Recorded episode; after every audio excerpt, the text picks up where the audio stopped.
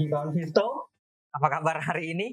Semoga tetap diberikan kesehatan dan konsisten cuan ya tentunya.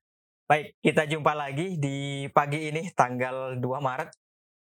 Seperti biasa, sebelum kita ke ide-ide trading, ada baiknya kita terlebih dahulu review pergerakan ISG di perdagangan kemarin.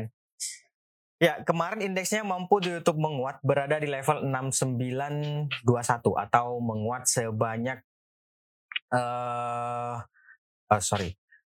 Berada di level 6935 gitu ya. Berada di level 6935 atau menguat sebanyak 47 poin. Dan saya pikir kalau melihat pergerakan ISG-nya uh, di mana dia di awal mampu dibuka menguat, hanya saja kemudian mengalami tekanan jual. Dan saya pikir ini akan berpotensi untuk apa membawa indeks kembali bergerak melemah. Atau kita nanti kita lihat bagaimana uh, outlooknya gitu ya. Tapi yang jelas sejak awal perdagangan indeksnya kan di YouTube dibuka menguat cukup tinggi nih, kemudian mengalami tekanan jual sampai dengan akhir sesi pertama. Kemudian di sesi kedua pun tampaknya indeks juga kembali mengalami tekanan jual. Gitu ya. Jadi praktis sebenarnya di perdagangan kemarin itu indeksnya meskipun ditutup menguat tapi sebenarnya cenderung bergerak melemah. Kemudian Saham apa saja yang membawa indeks menguat di perdagangan kemarin? Yang pertama ada Bank BRI, lalu ada MTEK, ada TPIA, kemudian ada Adaro, dan terakhir ada uh, Arto. Itu dia lima besar saham yang uh, membawa indeks menguat. Kemudian lima besar saham yang menghambat laju uh, penguatan indeks yang pertama ada Astra IC, kemudian berikutnya ada Kalbe Pharma, lalu ada ICBP, ada Bank Mandiri, kemudian ada MSIN. Itu dia lima besar saham yang menghambat laju ya, penguatan indeks. Bagaimana dengan transaksi asing? Ya, di perdan kemarin asing sendiri kembali mencatatkan net buy sebanyak 1,7 triliun. Ini banyak banget. Banyak banget. Kalau kita rinci di pasar reguler sendiri aslinya kembali mencatatkan net buy sebanyak 1,28 triliun. Sementara di pasar non reguler atau di pasar negonya aslinya mencatatkan net buy sebanyak 421 bio. Jadi kalau di total menjadi net buy sebanyak 1,7 uh, triliun. Nah, dari net buy asing tersebut, saham-saham apa saja yang banyak dibeli oleh asing? Yang pertama ada Bank BRI, kemudian ada Arto, lalu ada Telkom, Indi, dan terakhir ada Astra International atau ASII. Itu ya. Itu dia lima besar saham yang banyak dibeli oleh asing, sementara lima besar saham yang banyak dijual oleh asing. Yang pertama ada Bumi, kemudian ada Harum, lalu ada BRMS, ADMR, dan terakhir ada Avia. Itu dia lima besar saham yang banyak dijual. Bagaimana outlook hari ini? Ya, sebagaimana tadi saya sampaikan, bahwa indeksnya di perdagangan kemarin sempat dibuka uh, menguat di awal perdagangan hanya saja kemudian ditutup uh, apa namanya ditutup lebih rendah dibandingkan dengan harga pembukaan atau dibandingkan dengan opening price gitu ya dan akhirnya membentuk ini dia ya bisa dibilang ini adalah spinning top gitu ya. Dan saya pikir tekanan jual yang muncul ini akan berpotensi membawa indeks kembali melanjutkan pelemahannya menuju support level yang ada di 6825. Jadi saya pikir hari ini indeksnya akan kembali bergerak fluktuatif dengan kecenderungan masih melemah terbatas. Bisa saja di awal dibuka menguat, kemudian di seiring, seiring dengan berjalannya waktu indeksnya mengalami pelemahan, gitu ya. Rank pergerakan diperkirakan antara 6825 sampai dengan 6930. Kemudian ide trading yang pertama ada MTech. Coba kita lihat MTech. Nah, ini dia MTech. Saya pikir cukup menarik ini. Entek kemarin juga mampu ditutup menguat, tapi ada dua memang ada dua strategi yang bisa dipertimbangkan. Yang pertama adalah trading buy. Kalau mau trading buy bisa dipertimbangkan di 2160 sampai dengan 2210 gitu ya. Tapi uh, bisa juga buy on weakness. Kalau mau buy on weakness saran saya sih bisa di 21 sampai dengan 2160 di level-level itu ya. Nanti target take profitnya di berapa? Kalau dapat harga di 2160 saya pikir 2280 boleh dipertimbangkan untuk uh, take profit di level itu atau di atasnya ada 2320. Target uh, ideal kalau target ideal ini kan tampaknya membentuk uh, double bottom ya. Double bottom berarti kurang lebih di sinilah 24 20-an nanti targetnya. Itu target idealnya, tapi saya pikir nggak usah muluk-muluk dulu deh gitu ya. 2280 saya pikir sih uh, cukup. Kalau dapat harga di 2160 pasang jual di 2280 harusnya sih cukup. Atau di atasnya 2320 itu juga cukup. Gitu ya. Oke, nanti stop lossnya kalau harga melemah sampai di bawah 2120 atau di bawah 2080 sekalian. Itu untuk MTech. Berikutnya ada lagi Excel. Oke, ini dia Excel. Ya, Excel di perdana kemarin juga mampu ditutup menguat. Memang eh, penguatannya bisa dibilang cukup tipis ya karena cuma dua poin gitu. Tetapi satu hal yang perlu diperhatikan bahwa meskipun ditutup menguat, tapi harga tampaknya lebih rendah dibandingkan dengan opening price. Artinya dia mengalami tekanan jual. Nah, oleh karena itu maka ini ada dua juga. Yang pertama boleh spekulatif buy atau buy on weakness gitu. Kalau mau buy on weakness boleh dipertimbangkan di sini yaitu di 2830 sampai 2860 di level-level itu untuk buy on weakness atau kalau mau spekulatif buy ya 28 2860 sampai dengan 2880 closing kemarin itu bisa juga spekulatif buy di uh, daerah situ. Kalau melihat stokastik yang mulai bergerak meninggalkan oversold area, saya pikir masih ada peluang nih untuk melanjutkan penguatan dalam uh, jangka pendek. Nanti target take profitnya di berapa? Saya pikir kalau dapat harga di katakanlah 2860 atau 2880 sekalipun, uh, 2970 boleh sih dipertimbangkan untuk take profit atau di atasnya ini 3000 kawan. Jadi yang ini 2970 garis merah, kemudian 3000 di atasnya. Itu. Oke. Cukup menarik sih untuk Excel saya pikir. Itu untuk Excel. Berikutnya ada lagi sebentar. nah, dulu. Arto. Arto.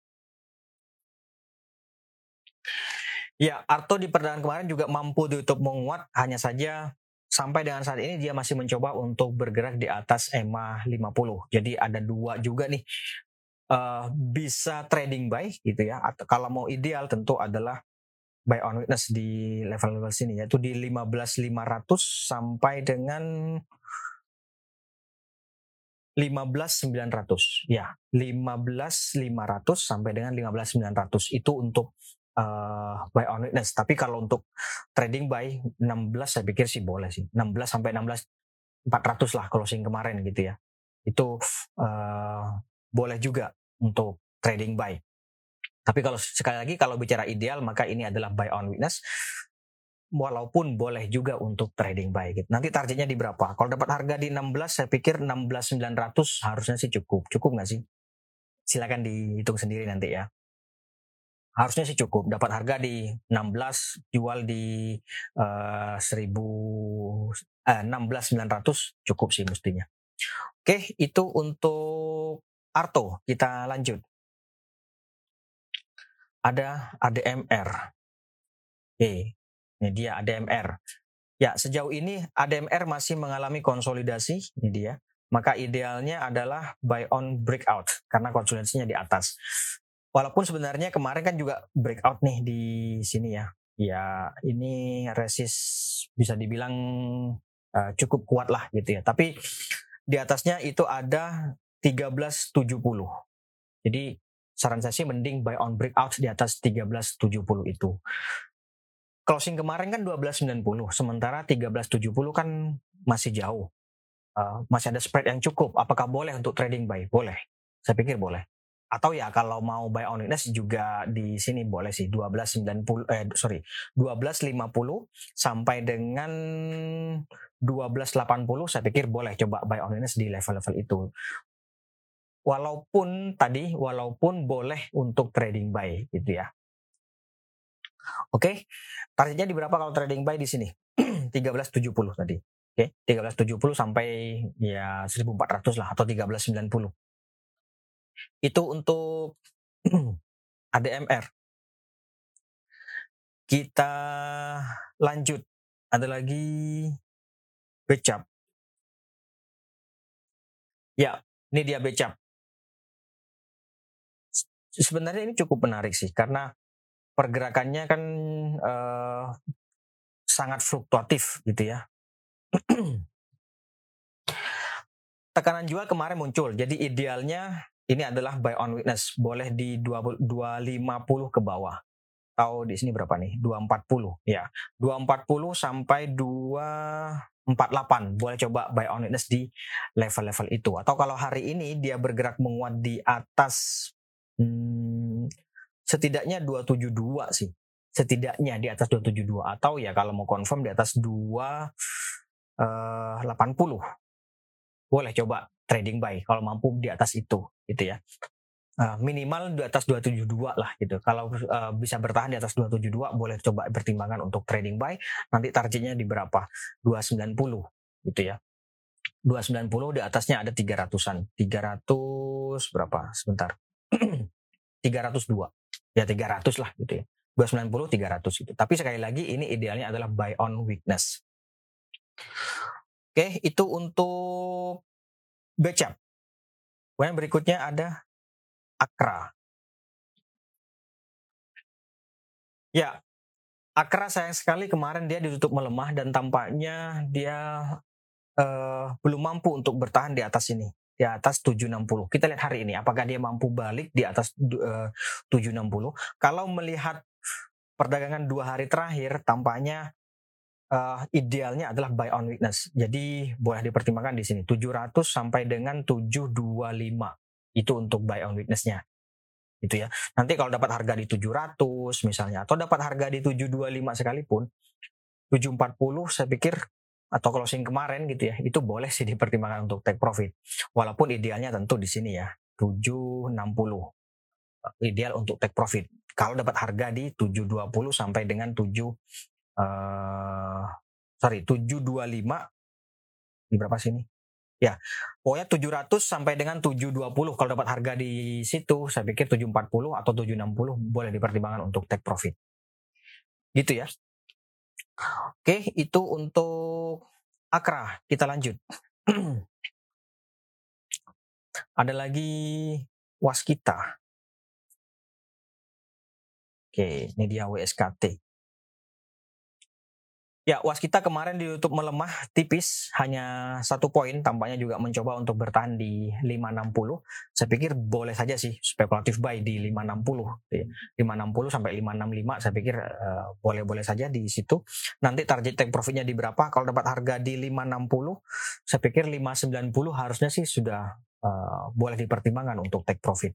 590 di atasnya ada ini kawan, 605 605 lalu 615. Jadi uh, sekali lagi resistennya ada di 590, 605 lalu 615. Boleh dipertimbangkan take profit di level-level itu gitu ya. Oke, itu untuk waskita cukup menarik untuk waskita. Kita lanjut. Ada MPPA. MPPA. Oke, ini dia MPPA. Nah, ini cukup menarik juga nih MPPA nih.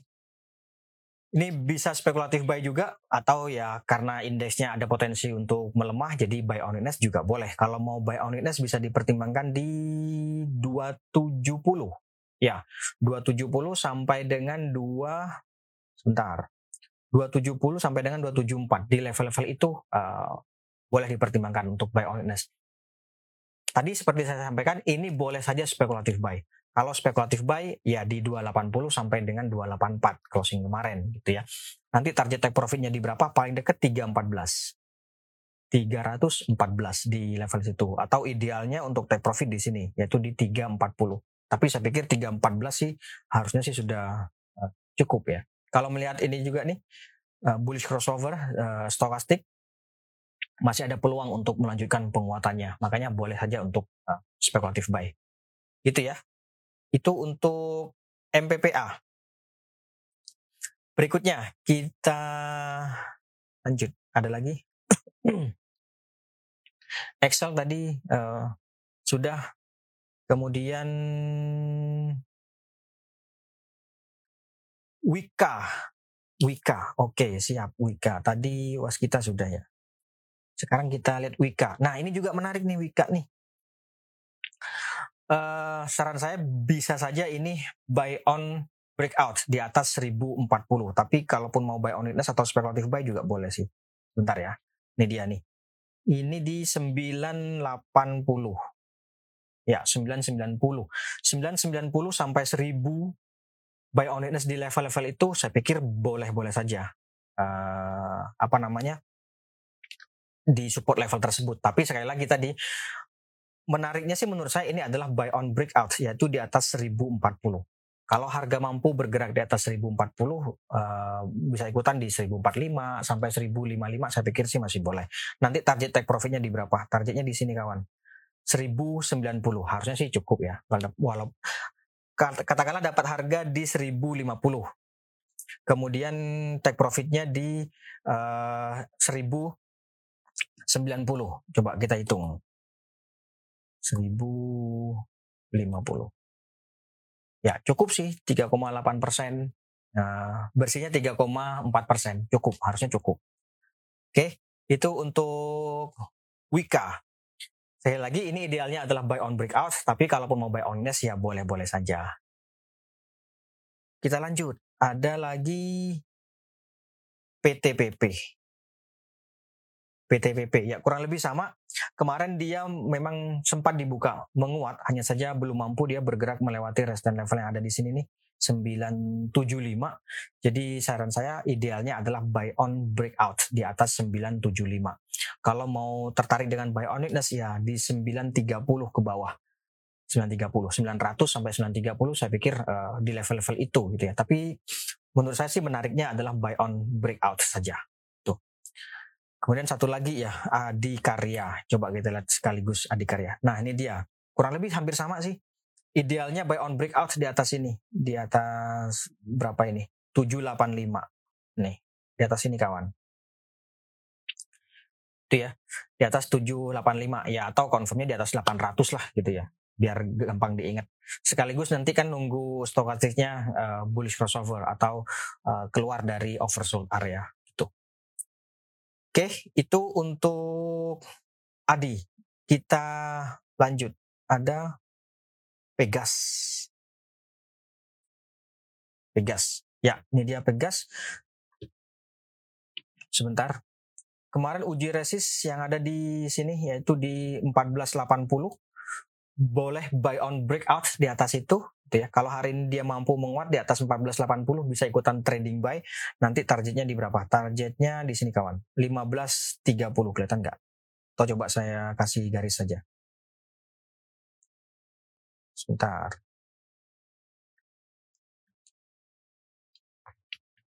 Sebentar. Nih, di sini nih. Nah, sini ya itu di 15.30. Oke, itu untuk Pegas. Berikutnya kita lanjut. Cepat-cepat aja kita ya. Energi. Oke. Ini dia energi. Ya. Sejauh ini sih sebenarnya harga mengalami konsolidasi. Kemarin memang mampu YouTube menguat uh, dua poin, tapi sebenarnya dia masih melanjutkan konsolidasi. Jadi boleh dipertimbangkan untuk buy on weakness saja di 168 168 atau ya di bawahnya gitu ya. Nanti kalau dapat harga di 168 eh, 179 boleh dipertimbangkan untuk uh, take profit gitu ya. Atau kalau hari ini dia bergerak di atas 179 ya boleh sih ikutan trading buy. Nanti targetnya di sini kawan 185 185 sampai 190 di level-level itulah gitu ya. Oke, itu untuk energi. Kita lanjut. Kita lanjut ada BABP. Ya, BABP kemarin juga mampu ditutup menguat tipis, hanya satu poin. Saya pikir ini idealnya adalah buy on weakness, boleh coba tungguin di sini, yaitu 185. 185 sampai 190 lah boleh di level-level itu gitu ya. Atau kalau hari ini dia menguat di atas uh, eh, 200, di atas level psikologis 200, boleh juga ikutan dipertimbangkan untuk trading buy. Nanti targetnya di berapa? Targetnya di sini. 218 sampai dengan 224. 218, 224 di level-level itu uh, bisa dipertimbangkan untuk take profit. cukup menarik untuk BABP. Menariknya kan karena dia mengalami pelemahan selama seminggu terakhir. Kemarin menguat satu poin itu praktis menghentikan laju pelemahan, gitu ya. Uh, apakah hari ini dia berlanjut menguat? Sekali lagi idealnya adalah buy on witness. Tapi kalau mampu di atas 200 boleh dipertimbangkan untuk trading buy. Itu untuk BABP. Kita lanjut. Ada lagi ada lagi Medco, Medco, Medco. Nah, ini dia Medco. Ya, Medco kemarin mampu ditutup menguat, sebenarnya masih melanjutkan konsolidasi dan ini idealnya barangkali sudah ada yang punya, boleh juga sih dipertimbangkan untuk take profit. Take profitnya bisa dipertimbangkan di 630 atau ya di 620, 620 sampai 630 gitulah. Bagi yang baru mau masuk, ada dua nih. Pertama buy on weakness boleh dipertimbangkan di sini, yaitu di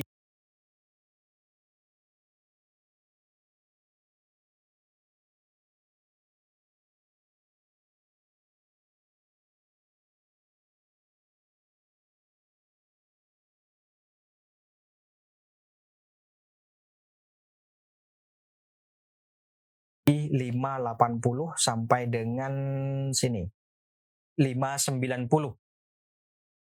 ah sorry bentar ya jadi uh, sekali lagi bagi yang baru mau masuk boleh dipertimbangkan buy on witness 580 sampai dengan 590 atau 595 gitu. Atau kalau hari ini dia mampu menguat sampai di atas 650 ya boleh saja sih ikutan trading buy lagi gitu ya. Ikutan trading buy gitu. Oke, itu untuk Medco. Kemudian kita lanjut, ada lagi. Adaro. Adaro. Oke. Nah, ini dia Adaro. Adaro juga kemarin mampu ditutup menguat dan perlu diwaspadai bahwa uh, apa namanya tekanan jual juga masih muncul di perdana kemarin. Jadi sekali lagi ini idealnya adalah buy on weakness di 2460. 2460 sampai dengan 2510. Ya, 2510 di level-level itu kalau mau buy on weakness cukup idealnya. Tapi kalau hari ini dia mampu menguat sampai di atas ini, katakanlah hari ini dia naik lagi gitu ya, di, di atas 2650, boleh sih ikutan trading buy. Nanti targetnya di 27 ke atas. Gitu ya. 2720 2750 di level-level itu gitu ya. Kalau bicara ideal maka ini adalah buy on weakness. Tapi kalau misalnya hari ini dia bergerak menguat di atas 2650 boleh dipertimbangkan untuk uh, trading buy. Itu untuk Adaro kita lanjut ya. Ada Antam Nah, ini dia Antam. Antam kemarin sempat menguji MA 200 yaitu di 2300. Ya, 2300. Hanya saja belum mampu untuk uh, melewatinya. Jadi menurut saya ada baiknya dipertimbangkan untuk take profit saja bagi yang sudah punya. Bagi yang belum punya ada baiknya uh, tunggu di bawah lagi yaitu di 2140. Tapi kalau hari ini dia bergerak menguat sampai di atas 2350 misalnya bisa sih ikutan trading buy. Atau ya ini kan resist terdekatnya 2300 misalnya mau spekulatif buy di 2310 katakanlah dia uh, uh, mampu bergerak di atas 2300 dan bertahan di atas itu saya pikir bisa saja ikutan spekulatif buy atau trading buy gitu ya. Nanti targetnya di berapa? Cukup nggak 2350 gitu. Karena berikutnya di atas 2300 itu 2350. Kalau dinilai layak dan logis ya boleh saja untuk uh, trading buy di dua di atas 2300 gitu ya. Oke, itu untuk Antam. Kita lanjut, ada BCA. Ya, BBCA. BBCA sudah sepekan terakhir ini dia mengalami konsolidasi dan ada potensi konsolidasi tapi kecenderungannya dia melemah gitu ya. Jadi sempat bergerak menguat tapi kemudian mengalami tekanan jual. Nah, idealnya sih menurut saya kalau seperti ini buy on weakness saja. Boleh dipertimbangkan di sini yaitu di 7.900 atau ke bawah.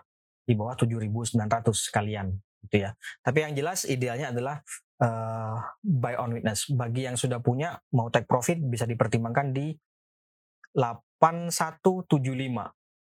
Iya, 8175 sampai dengan atau 8281 gitulah. Iya, ya. 8200 atau di 8100 di level-level itulah gitu ya. Itu untuk uh, namanya take profitnya. Oke, kita lanjut. Ada lagi? Masih ada? IPPE, IPPE, IPPE. Nah, dia IPPE. Kemarin mampu ditutup menguat, saya pikir uh, long white candle terjadi. Biasanya kan kalau terjadi long white candle akan mengalami pause gitu ya. Kalau hari ini dia dibuka melemah, mending tunggu di bawah. Bisa saja kalau misalnya nih hari ini dia dibuka uh, melemah, tapi kemudian bergerak naik sampai di atas 540 misalnya. Ya, oke okay sih bisa spekulatif buy nantinya gitu ya. Kalau mau buy on it boleh coba di level psikologis 500. Kalau dapat harga 500 ya 520 540 saya pikir sih sudah boleh dipertimbangkan untuk uh, keluar gitu ya atau take profit gitu. Misalnya nih hari ini dia dibuka melemah, kemudian bergerak menguat sampai di atas 540. Saya pikir boleh dipertimbangkan untuk trading buy. Nanti targetnya di sini kawan. 580 sampai ya 600 di level-level itu. Itu ya. Oke, itu itu untuk IPPE terakhir terakhir. MPPA tadi sudah, Adaro tadi sudah, BAWP sudah, kemudian BRMS. Oke, BRMS. BRMS kemarin dia mampu ditutup menguat dan tampaknya sedang melanjutkan konsolidasi. Eh, sorry, melanjutkan penguatannya. Saya pikir ini bi sebenarnya bisa saja sih ini trading buy. Nanti target take profitnya di 194 paling dekat. Di atasnya ada 200 di level-level itu. Tapi kalau misalnya dibukanya melemah, mending tunggu di bawah. Itu. Oke, saya pikir itu dulu mungkin Kang Visto untuk hari ini. Terima kasih atas kehadiran dan partisipasinya. Kita jumpa lagi hari Jumat. Hari Jumat ya Pak Produser ya. Kita jumpa lagi hari Jumat. Saya lagi terima kasih dan selamat pagi. Salam investasiku for better tomorrow. For better tomorrow.